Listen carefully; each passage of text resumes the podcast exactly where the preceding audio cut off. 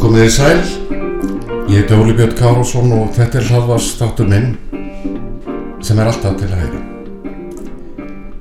Í upphafi COVID-faraldursins var ég ekki í hópi þeirra sem voru háværir í ofanberi gaggrinni á stjórnvöld vegna þeirra takmarkana á borgarlegu réttindum sem gripi var til í barátunni við veiru sem læknavísindin höfðu þá litla þekkingu á.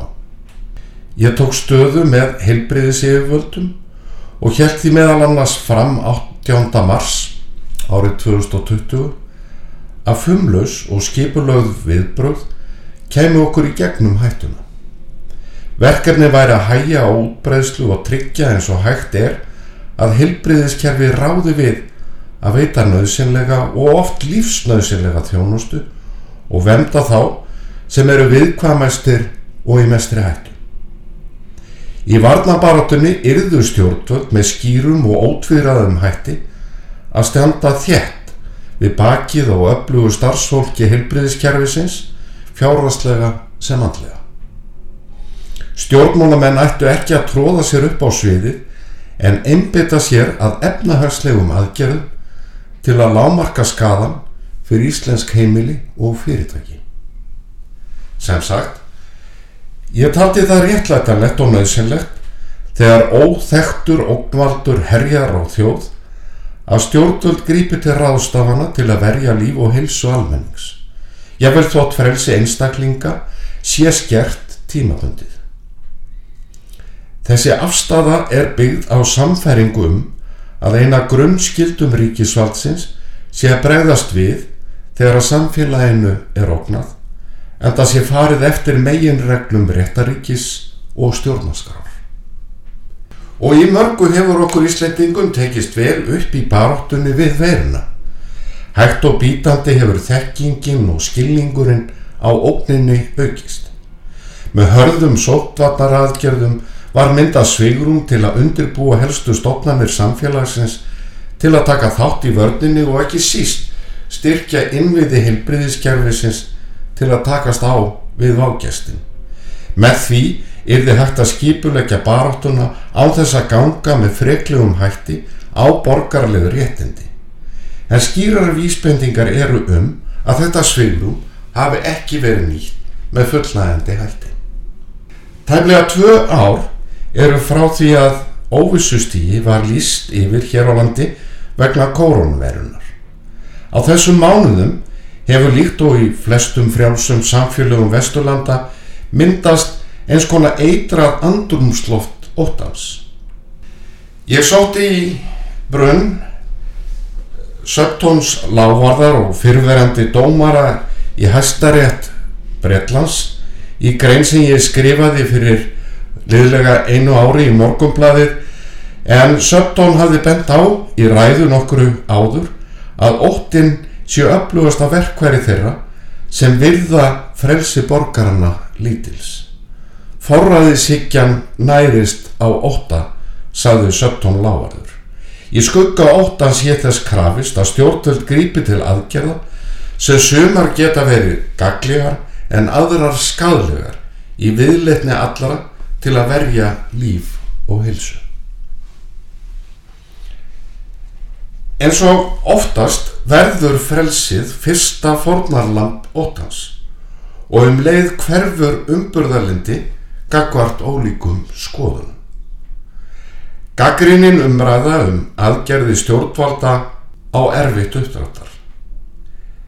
Leikir sem lærðir veiður að sér við að spyrna við fótum og spyrja alvarlegra spurninga en nöðsynlegra þar sem þess er óskað að settur verði fram raukstöningu fyrir hvers vegna frelsi einstaklinga er takmarkað og hvort of langt sé gengið. Þeim er í rauninu mætt að fullkominni hörku og stundum með svíverðingum. Þar ganga því miður sem er læknar sem fá útrás fyrir hegóma í sviðsljósi fjölmiðla hart fram. Til að magna óta almennings er grafið skipulega undan trösti á heilbriðiskerfi sem þrátt verir allt er eitt það besta í heimi. Það sem framhúsgarandi starfsfólk vinnur afreg á hverjum degi sem korki fjölmiðlar nýja samfélagsmiðlar hafa áhuga á. Flest erum við fús til að færa fórnir og sætt okkur við að búa við skert aðtapnafrelsi í ákveðin tíma til að vinna bug á hættulegri veru. Við viljum sína árveikni og ábyrga hvert samferðarfólki, ekki vegna þess að stjórnvöld þingi okkur til þess, heldur vegna borgarlegra skildu sem fylgir því að búa í frjálsu samfélagi. Það versta sem frjáls einstaklingur gerir hins vegar er að hlýða aðtóðasemta laust og án gaggrinni fyrir mælum stjórnvalda sem með einum eða öðrum hætti takmarka borgarlegu réttindi. Jáfnveg þótt fyrirmælin séu sögð til þess gerð að verja almanna heil. Án aðhalds og gaggrinni verður til ríkistjórn eða eigum við kannski að segja fremur embættisstjórn, reglugerða og tilskipana. En við verðum auðvitað að viðurkenna nöðsinn þess að stjórnvöld geti greipið til aðgerða í sótvörnum til að verja almenning á hættu tímum. Um leið verðum við að gera ákveðna kröfur til stjórnvalda og helbriðis yfirvalda. Að þau viðmið sem stöðust er við séu skýr, öllum ljós og taki mið af breyttum aðstæðum, svo sem bólusetningu og betri þekkingu. Að að samkvæmni í yfirlýsingum og upplýsingum. Að yfirvöld helbriðismála nýti svigrum til að auka viðnamáls þrótt mikilvægra stofnana. Að hægt sé að treysta því að aldrei sé gengi lengra að þarf vera á, að meðalhófið ráði alltaf för, að stjórnvöld virði grunn réttindi borgararna og starfi inn á þeirra valdmarka sem þeim eru mörguð. Að málefnalegum aðtóðsendum og gaggrinni sé ekki mætt að hróka þeirra sem telja sig umbóðsmenn valdsins og þekkingarinnar. Að spurningum sé svarað. Stjórnvöld hafa því miður uppfyllt margar af þessum kröfum sem ég nefndi á þann illa á síðustu mánuðum og missurum. Og kannski er ekki við aðra að sakast en okkur sjálf sem hlýðum tilskipunum gaggrinnislust og þess vegna á frelsið í vög að verjast. Glíman við skæðan faraldur hefur því miður orðið lengri en okkur óraði fyrir. Efnaðarslegan skada er hægt að mæla á stiku hagfræðinar en áhrif faraldursins á andlega og líkamlega heilsu einstaklinga verða senkt af fullumeti og aldrei til fjár. Í upphafi nýsás er tílefni til endurmats, vega og meta það sem gert hefur verið, horfast í augu við mistök en njóta um leið þess sem vel hefur verið gert. Á grunni reynslunar eigum við að leggja ráðin fyrir nýtt ár, fyrir framtíðina, staðráðan í að læra af mistökum og forðast að falla ég þá grefju að endur taka mistökin í þeirri von að fá aðra og betri niðurstöðu.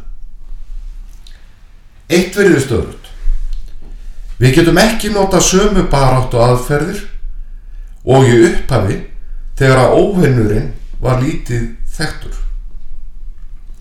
Við getum ekki gripið til harkalegri sótvarna en þegar við vorum lít varin, óbólusett og sendt tíu þúsunda einstaklingi einógrun eða sótkví þegar langstæðstir hluti landsmanna er bólusettur og alvarleg veikindi fátíð.